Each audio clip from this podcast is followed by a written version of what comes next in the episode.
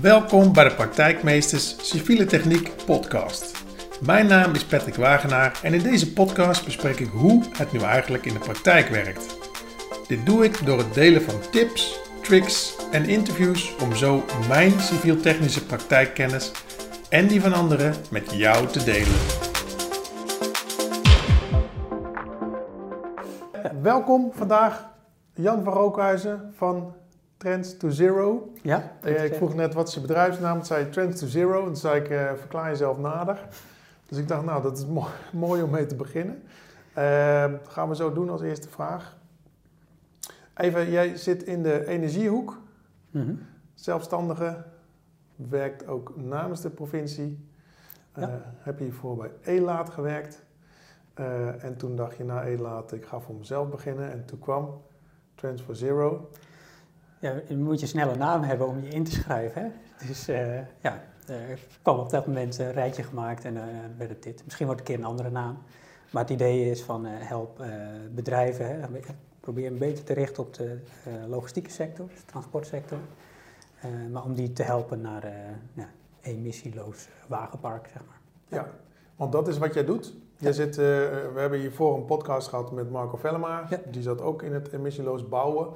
Ehm, jij zit ook in die hoek, maar jij richt je meer op de logistiek erachter. Heb ik dat goed? Of?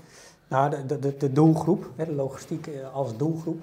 En eh, ja, dan heb je natuurlijk, eh, dan zit ik vooral op het snijvlak, elektriciteitsvoorziening en deze doelgroep.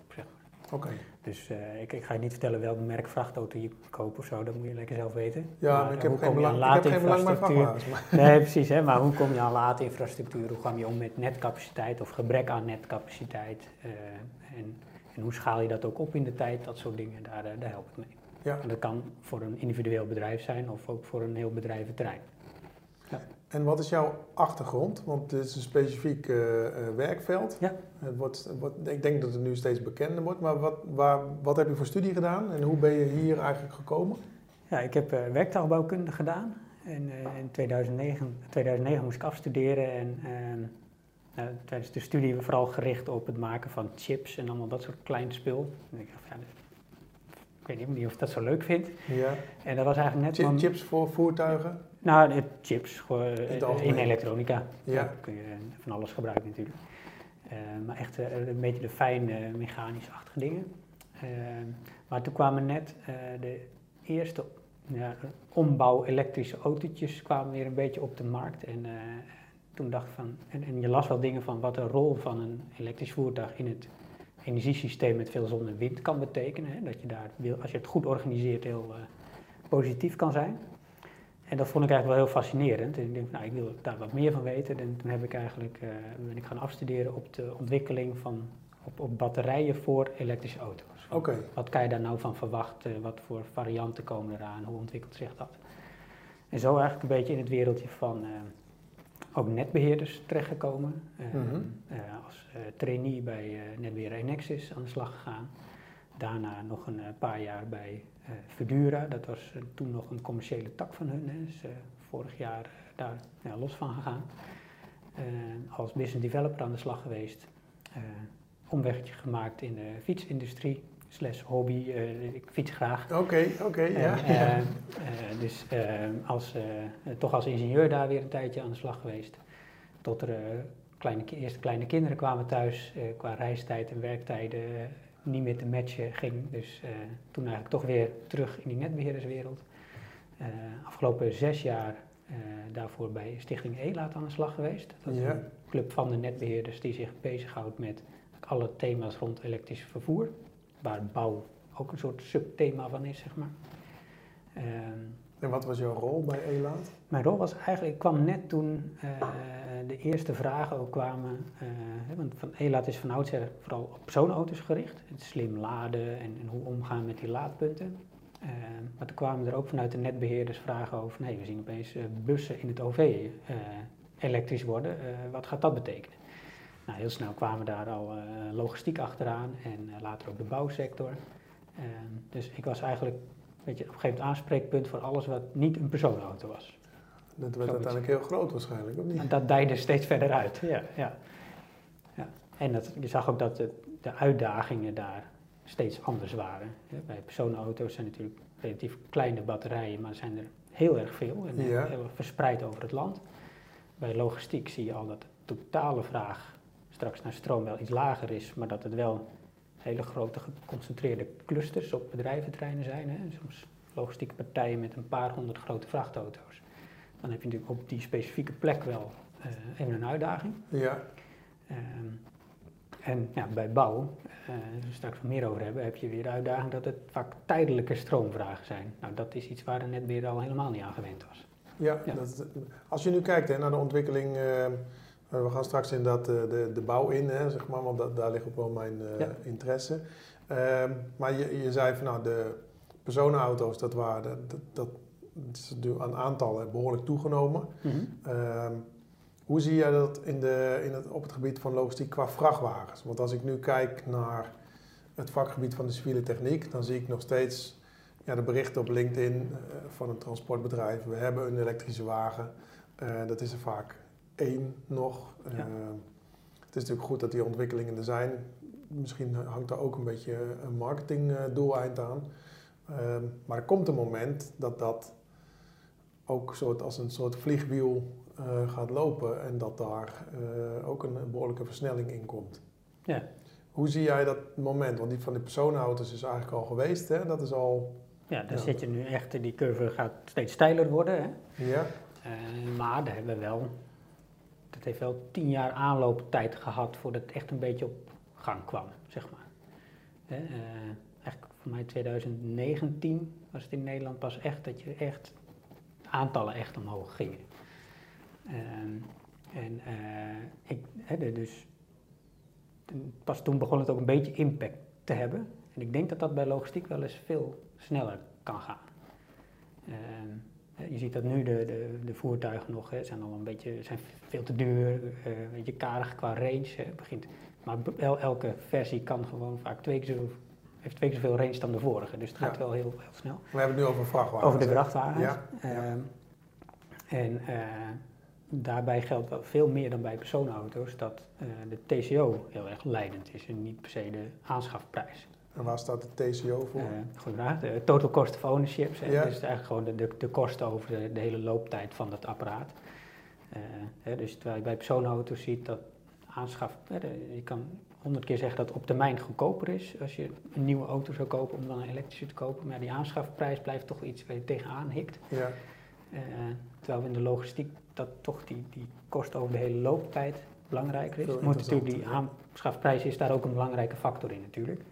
Eh, maar daar is wel de verwachting van dat dat eh, ja, richting 2030, een beetje afhankelijk van waar je zit, wat, wat, wat je doet als bedrijf. Hè. Voor sommigen is dat moment al heel snel en anderen uiterlijk 2030 zeg maar. Dat het qua kostprijs goedkoper wordt om een elektrisch voertuig te rijden. verwacht je dat rond, rond 2030 dat het die kant op gaat? Want dat is... Nou, dat begint al eh, rond 2025. Ja, want ik wou net zeggen. Dat, Rond dat, 2030 is een beetje de laatste. Ja, Ja. want er, er zijn natuurlijk doelstellingen Ja. eh, gesteld en die zouden eigenlijk gehaald moeten worden. Maar Ja. als, als die voertuigen dan pas interessant worden, Ja. dan is het eigenlijk... eh, Nou, voor stadslogistiek moet je dus dan wel eerder, hè? Want, eh, tenminste, voor als je in, actief bent in- straks in een zero-emissiezone, dan komt er een moment dat koop je een nieuw voertuig, dan heb je niet veel andere keus meer. Nee. Ook al zou het ietsje duurder zijn, ja, dat maakt dan even niet meer uit. Ehm, maar voor de grote deel van de logistiek, eh, die is daar helemaal niet in actief. Dus dan is de TCO wel leidend. En over het algemeen wordt aangenomen van het, tussen 2025 en 2030, afhankelijk van je eh, gebruiksprofiel, eh, dat omslagpunt ligt. Ja. Maar dan krijg je dus een hele andere eh, situatie opeens. Dat je, hè, want de, de, winstmarges zijn maar heel klein in de logistiek. Dus je concurreert echt op zeg maar, centen per kilometer of zo. Eh, dat als je dan niet kunt elektrificeren of te laat mee bent, dan word je dus uh, ja, plat je- gezegd Je weggeconcurreerd. mist de boot. Ja, ja. Ja.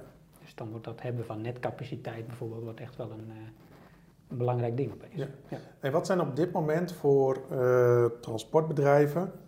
En ik, ik heb steeds eh, transportbedrijven, ik denk misschien dat jij het heel algemeen ziet, maar ik, ik zie toch zeg maar de vrachtwagen die het asfalt kan brengen of de grondwagen. Ja, ja, ja, ja. Eh, wat zijn op dit moment voor partijen die een elektrisch voertuig hebben aangeschaft de, eigenlijk de grootste uitdagingen? Als je hem al hebt aangeschaft. Als ze hem al hebben aangeschaft, ja. Ja. ja. je mag ook als ze hem willen aanschaffen, maar Nee, nou ja, dat, ik hoop dat je als je hem aanschaft al hebt bedacht hoe je hem gaat opladen. ja, ik stel de vraag, Ja. omdat ik heb er geen een aangeschaft, dus ik... Nee, maar goed, je, je- meestal, je, je hebt natuurlijk zo'n voertuig nodig en die, moet opgeladen worden. Dus je ziet dat de meeste partijen wel dat aan de voorkant natuurlijk allebei even over nadenken. Want eh, niemand heeft zin in een voertuig waar je dan niet mee kan rijden. Nou, en dan, eh, je kent de congestiekaarten misschien wel in, eh, voor Nederland. Eh, nee. Nou, eh, op Netbeheer Nederland, eh, zijn website, kun je die vinden. Eh, belangrijk om te kijken voor afname en voor opwek. Dat is een ander kaartje. Hè, van is er schaarste in netcapaciteit om eh, stroom van het net te halen of juist in te voeden. Mhm. Dat, eh, ja, gek genoeg kan dat ook tegelijk in dezelfde gebieden zo zijn. Hè, maar dan is het een overdag en de ander s'nachts bijvoorbeeld. Ja. Dus, eh, maar als je in een gebied zit waar je nu eh, eigenlijk niet zo'n lader meer extra aan kan sluiten, dan, ja, dan heb je even niet zoveel aan die truck. Tenzij je dus, en er zijn wel dingen die je kan doen natuurlijk, hè, dat je zegt van ik gebruik een veel kleinere aansluiting. En ik zet bijvoorbeeld een batterij bij extra die, die ik dan met die kleine aansluiting vol druppel en waar ik dan die truck weer mee oplaad. Maar dan maak je natuurlijk wel ja, extra gedoe, extra kosten. Ja. Ehm, en je ziet bij veel bedrijven dat die eerste 1, 2, 3 trucks nog wel in te passen in, eh, in de bestaande situatie. Maar je hebt natuurlijk partijen die hebben 100, 200 elektrische trucks. Ja, dan gaat natuurlijk in, in wat voor aansluiting je ook had, gaat dat niet passen. Dus eh, ja, dan moet je dat op tijd eh, zijn Ja, om dat wat, af te en wat zijn daar oplossingen voor? Want de, de, de, tenminste, ik, ik weet niet of mijn, mijn ervaring klopt, maar ehm, ik weet dat de, nutspartijen, de netbeheerders, zijn Ja. eigenlijk ook hartstikke druk. Ja. Eh, hebben mensen te weinig, net als eh, op vele andere vakgebieden. Ja. Ehm, kunnen ze de vraag aan? Of eigenlijk kunnen we het Ah, probleem gezamenlijk oplossen? Ja, oplossen wel. Kijk, nu kunnen we het niet, in, niet aan in het tempo wat we eigenlijk zouden willen. Anders zou die congestiekaart niet heel erg rood en oranje eruit zien. Ja, Ehm, ik denk wel, een beetje context. Ik denk dat het wel eh, in- Nederland een beetje bijzondere situatie zo ook is. In andere landen is dat vaak net ietsje minder. eh, omdat we hier een elektriciteitsnet hebben, wat eigenlijk altijd een reden qua energievoorziening maar een beperkte rol heeft gehad. De meeste energie haalden we onze huizen binnen met aardgas. Voor de, voor de verwarming, zeg maar. Dus als je een doorsnee Belgische netbeheerder iets laat zeggen over het Nederlandse net, zal die zeggen van nou, jullie doen het heel efficiënt, heel, kostefficiënt, maar het is wel een beetje een campingnetwerkje. Hè? Kleine aansluitingjes. Als je veel Europese landen de meterkast bekijkt, dan eh, is er ook veel hogere vermogens in beschikbaar. oké. Dus dan Juist omdat je- die, die niet op het aardgas Ja, zitten. die, die veel- verwarmden daar al mee, die deden, die deden daar al veel, eh, veel meer mee. Ja, En, eh, dus in die zin hebben we een soort van, nou, we zeggen van, nou, we gaan van dat aardgas afbouwen. eh, nou, dan moet je ook weer iets anders opbouwen. Dat, dat kost tijd. En dat komt nu eigenlijk in hele korte tijd heel veel tegelijk bij elkaar. Hè? Zowel qua opwek als qua elektriciteitsvraag. ja. En eh, ja, daar zie je dan eh, dat dat ja, echt netbeheerderswereldje was denk ik altijd eerst kabbelde een beetje voort, hè, decennia lang. En het was vooral beheren en zo nu en dan kwam er een wijkje bij en dan legde je dat aan. Ja, dat, Nu, dat nu wordt er veel meer gevraagd. eh, ja, heel veel in korte tijd en overal tegelijk. ja. Ja, en ja, dan zie je van nou, dat, dat knelt. En en aan de andere kant, wordt nu ook, en dat is natuurlijk ook de uitdaging, van als je iets nieuws aanlegt, leg dat ook gelijk goed aan. Want zelf, hè, het beperkte mensen beschikbaar, ja. ga nou niet dat in drie keer doen. Want daar heb je al helemaal de mensen niet voor. Hè? Dus soms is het beter om te zeggen, van, nou we accepteren de iets langere doorlooptijd, maar dan ligt er ook iets waar we tot 2050, 2070 mee door kunnen. Dus dat zie je dat ook, eh, nou, als het even kan, legt men ook capaciteit vaak neer, dat gelijk, gelijk twee tot drie keer zoveel eh, capaciteit heeft. Zijn er ook al, eh, ehm, eh, ik weet niet of jij dat weet Tom, maar hebben de netbeheerders daar plannen voor? Zodat je weet van nou, wij gaan als eh, eh, overheidsorgaan eh, gaan wij hier aan de slag. Ehm, netbeheerders willen jullie ook wat doen? Of combi-partijen of nutspartijen willen jullie ook wat doen? Dat ze Ja. eigenlijk al een plan klaar hebben om daarin mee te gaan? Ja, zeg zeg maar voor, voor het algemeen, hè, de netbeheerders maken natuurlijk hun investeringsplannen. Hè, en de- de- die zijn, eh, ja, voor, voor hoe, hoe korter bij, hoe concreter ze zijn. En, en die zijn voor een groot deel kun je die ook publiek wel vinden. Maar voor dat thema bouw is daar, eh, als je mij vraagt, nog helemaal niet goed in belegd. Dat gaat vooral nog over zeg maar, de definitieve eh, energiegebruik van woonwijken, uh, nou, elektrisch vervoer zit daarin. Ja, bedrijf, bedrijfs, bedrijfsterreinen die dan ja. geëlektrificeerd gaan worden straks. Ja, dus hoe gaan we dat stapsgewijs aanpakken? En er is natuurlijk allemaal discussie over van wat heeft nou welke prioriteit. Hè? Want we kunnen niet alles tegelijk. En normaal gesproken doen we alles op volgorde van wat binnenkomt. Uh, ja, er zijn wel discussies vinden over uh, uh, ja, casino versus ziekenhuis. Hè? Ja. Daar vinden we misschien iets van. dus daar heb je ook een landelijke organisatie steeds meer die, die, waar hè, provincies en gemeentes ook gaan kijken van nou, wat vinden wij nou belangrijk voor dit gebied. nou, dat, dat is ook hartstikke goed denk ik. Maar over het algemeen, hè, bouw, uh, waar, waar, jij in actief bent, dat is, uh, is mij vraagt echt nog een ondergeschoven kindje in het hele verhaal. Ja, want ja. Uh, nou ja, waar we het net over hadden, dat zijn, dat zijn bekende plekken. Je weet, daar is een bedrijventerrein, daar komt straks veel vraag, daar kun je op inspringen. Ja. in, de, in de civiele techniek, in de infrabouw ligt ook een hele grote opgave. helemaal met, met onze stikstofregels, om juist emissieloos te gaan bouwen. Um, ja, jij zegt het is een ondergeschoven kindje, maar uh, gaat, gaat het lukken, zeg maar? Ja, nou ja, dat is wel een zorg die ik heb. Hè. Nu, en je ziet natuurlijk dat door de stikstofproblematiek, uh, ja, de, de, denk de voor de bouw, uh, natuurlijk eigenlijk op, opeens het liefst alle CO-emissie zou bouwen, want dan kunnen we in ieder geval door. Hè. Ja. Nou, beschikbaarheid machines en zo, je hebt natuurlijk allemaal uitdagingen, maar ehm, wat je dan ziet is natuurlijk dat, je, uh, uh, dat er hele grote verschillen zitten in wat voor type bouwproject. je hebt natuurlijk kleine bouwprojectjes binnenstedelijk met weinig stroomvraag. Nou ja, daar kun je denk ik heel creatief zijn met oplossingen. Ehm, maar ja, oplossingen met het bestaande net. Ja, ja, eigenlijk zou je een soort volgorde zou je een soort vast kunnen houden van gebruik als het, als het even kan. Hè. Gebruik, begin met bestaande aansluitingen. Dan heb je die netbeheer helemaal niet nodig. Ja, dus gebruik een publiek laadpaaltje of een bedrijfsaansluiting en zo. Maar die moeten er dan maar zijn met voldoende capaciteit. Uh, nou, als je dat niet kan, maak een aansluiting uh, binnen de bestaande capaciteit van het elektriciteitsnet. Nou, dat is voor grotere aansluitingen ook steeds meer een uitdaging. Uh, en dan vervolgens zou je kunnen zeggen van gebruik netcapaciteit die je ook in een definitieve situatie nodig hebt. Dus als je een uh, nieuwbouwwijk uh, hebt, kan de netbeheerder, die heeft natuurlijk al een soort verdeelsleutel van, ik heb, noem maar even wat, 4 kilowatt per huis ga ik aanleggen straks voor die woonwijk. Ja.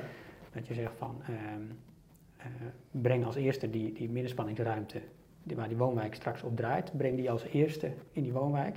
En als er verder nog niks is, vanaf het verder vanaf het bouwrijp maken kun je dat helemaal emissieloos doen gebruik maken van die middenspanningsaansluiting. En we hebben wel eens met wat bouwbedrijven eigenlijk een soort uh, verkenning gedaan van is de stroomvraag die je dan hebt om s'nachts dan die machines te laden, uh, past die binnen wat straks die wijk gebruikt? En dat, lijkt makkelijk te passen. Oké, ik wou zeggen, daar ben, daar ben, ik ook benieuwd naar dan, of, dat dan, of dat dan zou passen. Ja, Nee, dat, dat lijkt, voor de cases die we hebben uitgezocht, uh, lijkt dat heel snel te passen. Maar dan wat, moet je natuurlijk wel... cases heb je, dan, heb je naar gekeken dan? Is dat, uh... een, een, typische woonwijk. Woonwijk? gewoon een woonwijk, uh, ik weet niet meer precies, een paar honderd huizen. Bouwrijp maken, woonrijp maken. Ja, ja dan zag je eigenlijk dat, dat je heel mooi, dat je de eerste fase, het bouwrijp maken, ben je natuurlijk veel met grond aan het heen en weer sjouwen, kost veel gewicht, veel energie. Ja. Daar zat de hoogste stroomvraag en hoe verder je richting afbouw gaat. Afbouw gaat, hoe, hoe nou, op een gegeven moment kleinere machines en dergelijke. En dan beginnen ook de eerste huizen natuurlijk opgeleverd te worden, rijtje voor rijtje. Of, eh, ja. dus, uh, dus dat loopt eigenlijk heel mooi over. Uh, maar dan heb je natuurlijk wel een ander proces nodig, want die, de, die energievoorziening komt niet spontaan als eerste in dat weiland te staan, zeg maar. Dus je moet dat uh, een, een, ander proces vooraf spreken. Ja, en wie, wie is, ik kan me voorstellen ja. dat je ja, nu als, als opdrachtgever of uh, overheid, gemeente, die zegt gewoon we hebben een stuk grond, dat mag ontwikkeld gaan worden. Uh, dan krijg je uh, zeg maar iemand die gaat plannen maken, een ontwikkelaar. Ja. Krijg je een bouwrijpfase, een woonrijpfase en dan neemt de gemeente het over. Ja.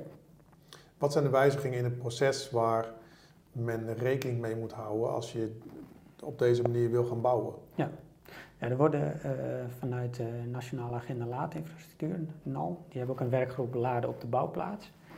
Uh, nou, die hebben daar ooit een soort, soort rapportje voor laten maken en uh, daar worden nu met de eerste gemeentes, waarvan ik, weet niet welke gemeentes uit mijn hoofd. Ik zal even vorig jaar dat ik me daar voor laatst mee bezig hield. Maar worden nu, uh, zeg maar, dat, ja, noem het gepilot, maar wordt, als, wordt zeg maar, dit proces doorlopen op een manier nou, je zegt van, we hebben een bepaalde wijk voor ogen. netbeheerders zijn natuurlijk dan ook al betrokken. Hè? Dus er zijn al rela relatiemanagers van de netbeheerders die constant in overleg zijn met gemeentes over dit soort ontwikkelingen. Ja. Hè, dus de, de, ergens in dat proces moet ergens een haakje inkomen van oké, we gaan dus bij netbeheerders zeg maar, gaan dan eerder die stroomvoorziening moeten plaatsen. We gaan met de projectontwikkelaar of de bouwer in gesprek van wat wordt straks in die wijk een logische plek. Kunnen we liefst pakken we gelijk dezelfde plek, kunnen we de kamer ja, straks laten liggen. Laten we liggen. En dan uh, zetten we om dat ding straks een paar laders, snelladers. En op een gegeven moment gaan die weg, pluggen we huizen in. maar dan moet natuurlijk afspreken hoe we dat veilig doen, want we gaan daar nog allemaal grondverzetwerkzaamheden doen. Moeten we niet die kabel meer opgraven natuurlijk. Hè. Dus je moet allemaal praktische dingen. Uh, je moet iets afspreken over kosten. Hè, want normaal gesproken zou je zeggen van die bouwer uh, moet gewoon een, een middenspanningsaansluiting aanvragen. Nou, dat kost wat centen. Maar ja, deze blijft daarna liggen voor de woonwijk. Dus het is ook niet zo dat je twee keer de hele kosten maakt. Dus hoe ga je daar nou ja. mee om? Hè? Maar in dus, principe klinkt het efficiënter ja. dan... Uh, in principe zou de netbeheerder dan eigenlijk praktisch geen extra werk hebben. Nee. Dat moest het, hij toch al aanleggen. Ja. Is het voor de netbeheerder uh, te realiseren? Ondanks met, met alle uh, ja, drukte en vragen die er nu liggen bij netbeheerders? Want het is, in principe kun je eigenlijk niet starten als, als de basis niet geregeld is. Nee, maar als dit niet kon, dan kon je die woonwijk ook niet bouwen. Dus nee, dat, dat, zou dan gelijk mee moeten. Ja. Want ik denk dat in de praktijk zal er een paar maanden tot een jaar uh, maximaal eerder dat je dit moment nodig hebt. Uh, dus ja, dat moet realiseren zijn. Mits je maar vroeg genoeg, hè, dus het heeft geen zin voor bouwprojecten die morgen beginnen. Dit, dit bouwprojecten die echt nog ja. in dat vroege, uh, vroege fase zitten. Ja. ja. Dus daarom is het juist wel belangrijk dat die gemeentes die er nu mee beginnen, die kennis gelijk zo breed mogelijk gaan delen. Zodat dan kun je niet afwachten tot dat hele proces doorlopen is, want dan is het 2030. Uh, hè, voordat je daar echt een wijk hebt. Ja. Dus uh, hè, dan zou je vanaf begin af aan willen delen, zodat dat eigenlijk de, de, kennis daarvan bij elk nieuw project gelijk meegenomen kan worden. En weet je ook of dat wordt gedeeld en waar? Dat is wel de bedoeling. Dat zou dan via de Nationale Agenda Laadinfrastructuur, via die werkgroep die daarover gaat, die uh, zou dat overzicht moeten hebben. Ja. ja. Daar was ik tot halfwege vorig jaar bij betrokken, maar is nu hier ja. Dus voor de provincies aan de slag. Dus dat de laatste paar maanden heb ik even gemist. Dat ja. was het moment dat je overstapte, ja. Ja, ja. ja. Dus, en wat doe je nu in, de, in je rol bij de provincie Gelderland? Ja, nu gericht op de logistiek. Hè. Dus ik, ik, help bedrijven en ook steeds meer gericht op bedrijven terreinen. Proberen we te kijken van hoe kunnen we ondersteunen met die elektrificatie. netcapaciteit is daar een van de belangrijke onderwerpen in. En hoe gaan we om met diezelfde congestieproblematiek het komende jaar? Ja, ja want als, als die problematiek speelt. Uh, Marco die omschreef het in de eerdere podcast als zijnde: je hebt een snelweg en die staat ja. vol, het is file, er kan niks meer bij. Ja. Uh, vond ik voor mij een heldere uitleg. ja. als, als niet techneut op het elektrische gebied. maar als die snelweg vol staat en je hebt dat geconstateerd. Ja wat, wat zijn er dan voor mogelijkheden die jullie uh, kunnen doen om, om daar weer ruimte op te creëren?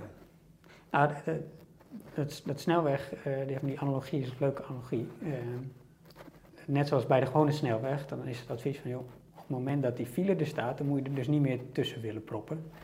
Maar die files staan er ook maar vaak twee keer per dag een uurtje.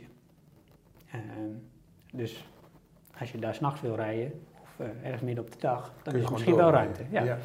Hè, dus uh, waar, waar heel veel eigenlijk van, van die dingen om draaien is van, uh, van hoe kunnen we de bestaande netcapaciteit beter benutten. Dus eigenlijk de dalen die erin zitten toch ja. beschikbaar stellen.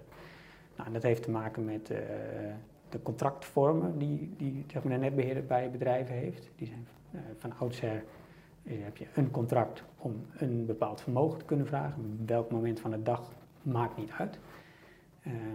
Nou, en daardoor moet hij natuurlijk die onzekerheden allemaal op elkaar stapelen. Uh, en dan, dat leidt, dat is een van de dingen die leidt tot dat je op de kaart congestie kunt hebben. Terwijl op heel veel momenten van de dag er eigenlijk nog capaciteit genoeg is. Net als op de snelweg. Hè. Ja, mag ik, dat, Ja. mag ik even kijken, samenvatten? Ja. Eigenlijk, de snelweg zit vol.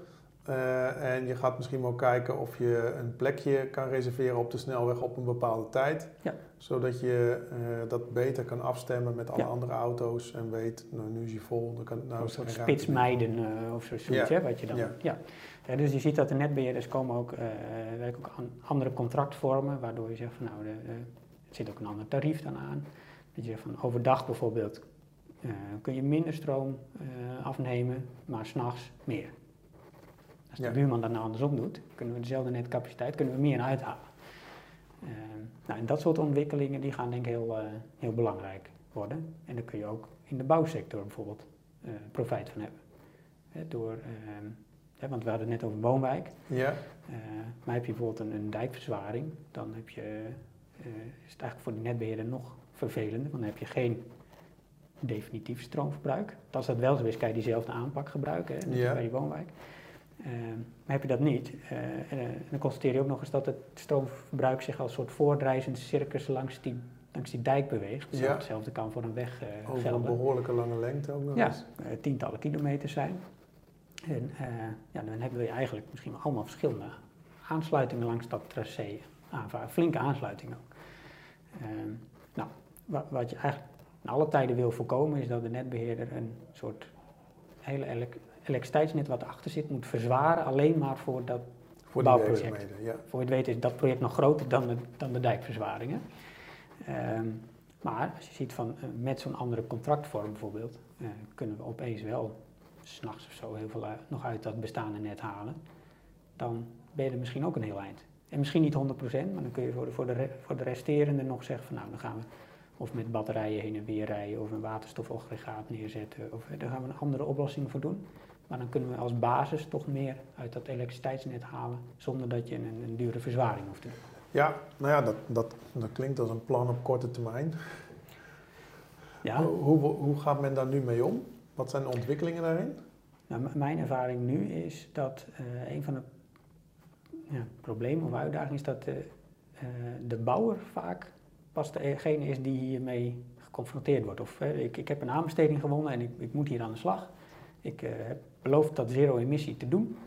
En ik moet nu nog maar eens kijken hoe ik dan aan die stroom kom langs dat tracé. Hè? Dus dan, eh, eh, en ik, ik, ik moet zeggen van, ik, heb dat altijd wel heel leuk gevonden van de, van de bouwsector. Dat men, het is, het is ook niet lullen maar poetsen. Hè? Van, eh, weinig gezeur, maar we gaan gewoon op zoek naar. Hè? We gaan het doen, maar we weten nog niet hoe. We vinden wel een weg. Ja. Ehm, maar dat je wel tegelijk ziet van als de opdrachtgever nou aan de voorkant eigenlijk al die verkenning had gedaan en dat had zeg maar, de resultaten daarvan meegeeft in de aanbestedingsdocumenten, dan heb je ten eerste een eerlijker plaatje dat zeg maar, ieder- alle aanbieders een beetje van dezelfde uitgangssituatie zeg maar, iets, iets kunnen indienen. Ehm, en kun je ook meer sturen op bijvoorbeeld maatschappelijke kosten. Dat, je, eh, dat de bouwer niet iets gaat doen wat voor hemzelf wel goedkoop is, maar misschien de belastingbetaler heel veel geld kost bijvoorbeeld. Ja. Ja. Ja, want je zit natuurlijk ook als je, als je het als opdrachtgever niet regelt. Ja. En je hebt een bepaalde planning in gedachten. Die aannemer heeft ook tijd nodig om, Ja. die, om die stroomaansluiting te gaan realiseren. Ja. Daarvoor is je eigenlijk afhankelijk van derden. Ja. Eh, dus ja, dat, dat kan betekenen dat je dan vervolgens je planning totaal niet haalt Nee. als die derde partij volledig uitloopt. Ja, en dat wil je eigenlijk van tevoren, kan je heel veel eigenlijk van die risico's al zien aankomen. Ja, Ehm, hè, en dat, dat kan heel pragmatisch zijn van, eh, je hebt zo'n, pak zo'n dijkverzwaring. Kijk langs dat tracé, ga met de netbeheerder in gesprek. Hoeveel capaciteit hebben we hier nou? Is dat de hele dag? Of, of kunnen we ook nog zeggen van, nou, s'nachts. S'nachts is er nog een stukje vrij. Dat is natuurlijk een momentopname. Hè. Je kunt zeggen van, joh, we- we sturen dat uit en morgen snoept een ander bedrijf dat weg. Dat kan, dus die disclaimer hoort daar dan ook bij. ja, Ehm, je kan dat als opdrachtgever ook afvangen door zelf die aansluitingen al. Dat je zegt van, joh, maakt niet uit wie het gaat bouwen, maar het is toch nodig. We regelen dat gewoon We zelf al. gewoon Dan, dan vang je dat risico af. Je kan kijken van wat voor bedrijven zitten langs dat tracé die ook nog eh, eh, stroom beschikbaar kunnen stellen aan dat project. Hè. Dan kun je zeg maar, bestaande aansluitingen gebruiken. Ehm, want eigenlijk is nu, eh, als je dat aan de voorkant wil doen, gaan nu al die bedrijven apart die, bij die mensen aan de deur bellen. Hè. Dus, Ja. eh, dus het is Ja, beter, dat de eh, opdrachtgever dat doet. ja. Ja. Dus, eh, ja, dus dat zou je in principe, zou een opdrachtgever daar gewoon voor elk nieuw project uh, ja, dat standaard moeten doen. Als, uh, als nu mensen aan het luisteren zijn en die zijn bezig met projecten en die hebben inderdaad zoiets van, nou ja, uh, ik, ik zie het ook als mijn taak om dat te gaan organiseren. Hoe moeten ze beginnen? Waar moeten ze, waar moeten ze naartoe om, om zoiets te gaan regelen? Ja, ja je hebt natuurlijk een inschatting nodig van wat er nodig is langs dat tracé. Uh, ja, en ik denk gewoon dat er in het algemeen, hè, je zult natuurlijk partijen hebben waar iemand intern er best wel een beetje affiniteit mee heeft. Dan kan je denk ik een heel eind komen met ook gegevens die je gewoon online kan vinden. Ja. Uh, maar zeker bijvoorbeeld gemeenten, hè, er zijn zoveel gemeenten die nauwelijks capaciteit voor hebben, dat, uh, dat, dat, we ook wel de vraag landelijk hebben neergelegd van uh, daar is gewoon ondersteuning voor nodig. een, een, bepaalde werklijze, een soort landelijk neer te leggen van, zeker voor die kleinere gemeenten, van hier kun je makkelijk mee aan de slag. Ja. Nou, een van die dingen is, had Marco volgens mij ook in de vorige podcast genoemd, een rekentool die eigenlijk zegt, waarin zit van nou, vink een type project aan, dus zoveel kilometer of zoveel huizen, woonwijk, dan komt er dan zo'n, ongeveer zo'n stroomvraag uit. Nou, kun je daar eens mee beginnen om dat dan in kaart te brengen. Ja, en dat doe je dan als opdrachtgever, ga je naar je, je netspartij ja.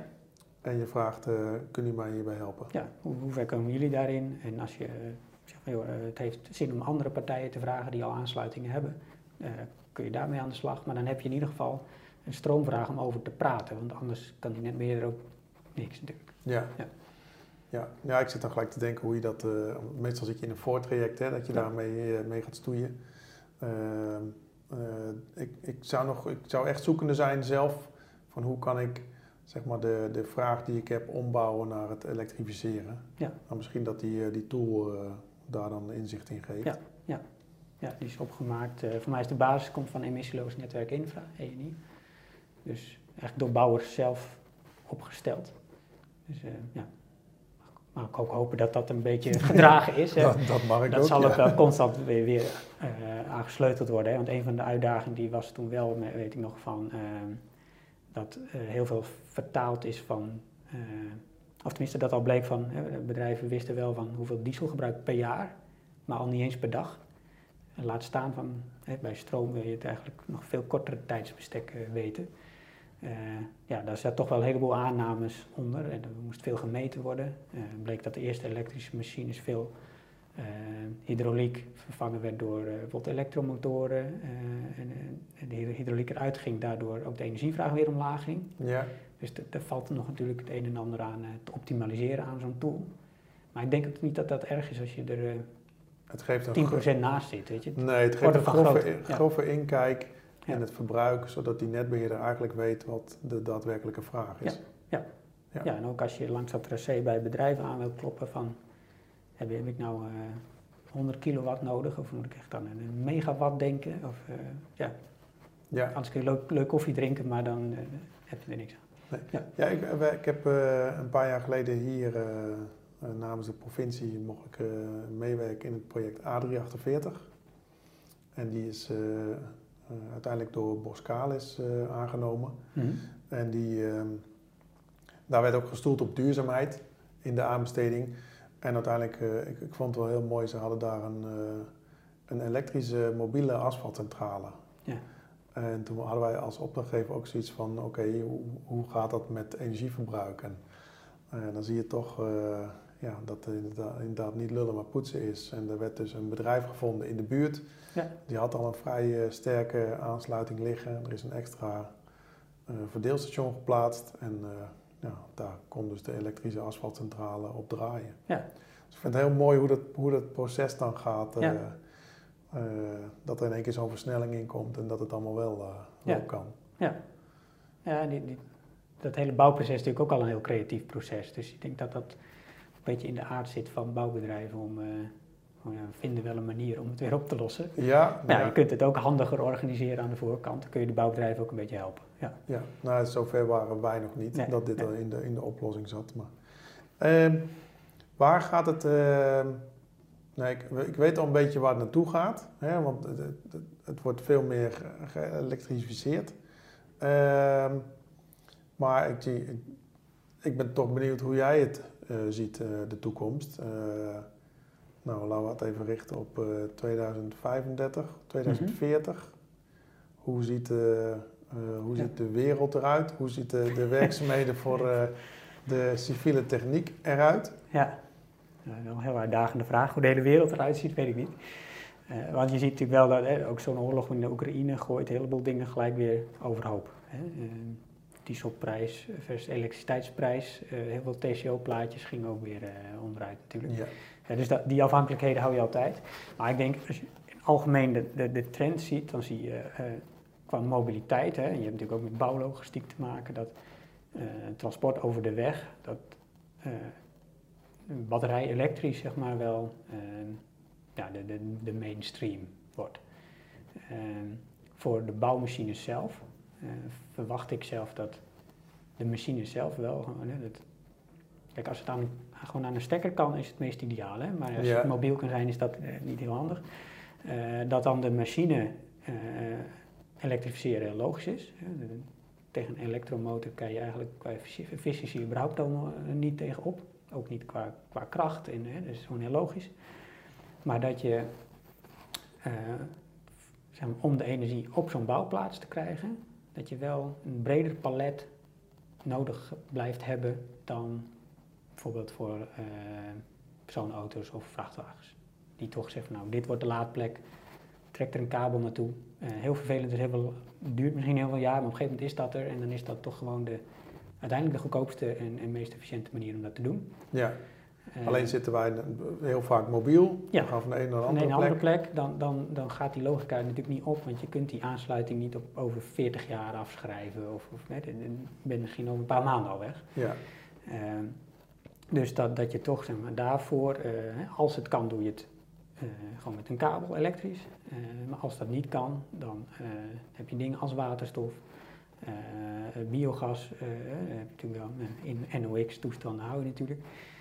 Maar heb je een breder palet nodig om te kijken van, hey, daar kunnen we afhankelijk van de situatie, maken we pakken we één of een mix van die oplossingsrichtingen voor dat bouwproject. Ja. Ja, En hoe en dan gaan, kan het diezelfde machine steeds gebruikt hoe gaan Ja. die ontwikkelingen? Want ik zie wel de ontwikkelingen zeg maar, van, de, eh, van het materieel zelf. Ja. Ehm, maar hoe gaan de ontwikkelingen om zeg maar, die, die, ja, die brandstof eigenlijk op Ja. locatie te krijgen, los van, van de netbeheerders? Nou, je ziet, eh, een een paar jaar geleden kwamen denk ik de eerste bedrijfjes met eh, batterijen in een container. Ja, en inmiddels heb je daar heel veel van. Ehm, en die, die krijgen ook hun, hun batterijpakketten bijna niet aangesleept. Dus die, die markt groeit echt heel erg snel. Dus ik denk dat je in, in, in Nederland hè, krijg je gewoon een enorm netwerk van, hè, waar, waar je vroeger aggregaten heen en weer sleepte. Ja. Dat wordt gewoon vervangen op een gegeven moment, zag je zo, door batterijcontainers. Ehm, dat is niet altijd de ideale oplossing, want die dingen moet je ook heen, ergens opladen en heen en weer slepen. Hè? Dus als je al een aansluiting hebt, dan ga je dat niet doen.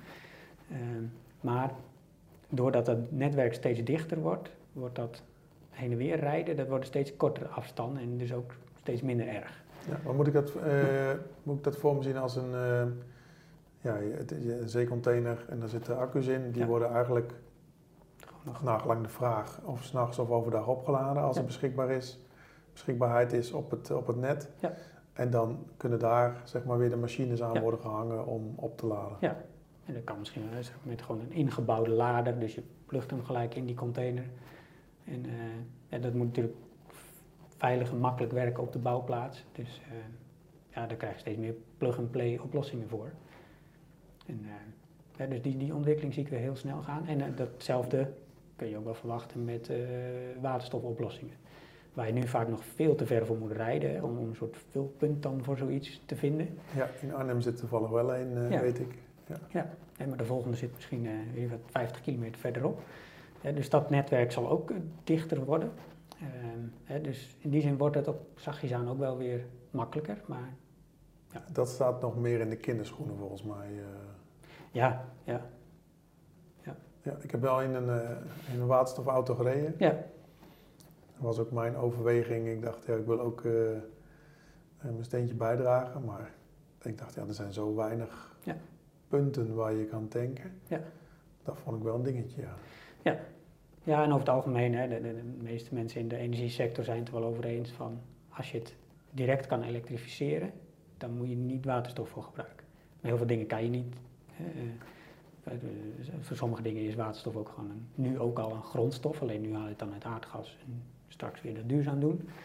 Ehm, en, dus zou je eigenlijk als je straks al groene waterstof beschikbaar hebt, want dat komt ook maar heel mondjesmaat op gang, hè, Ja, eh, dus voorlopig moet je dat zien als een schaars goedje, wat je eh, toepast eh, in, in sectoren waar je eigenlijk niet echt een alternatief hebt. En een personenauto is echt een van de laatste toepassingen waar, dat, waar die logica op gaat. Zeg. ik heb hem ook niet gekocht.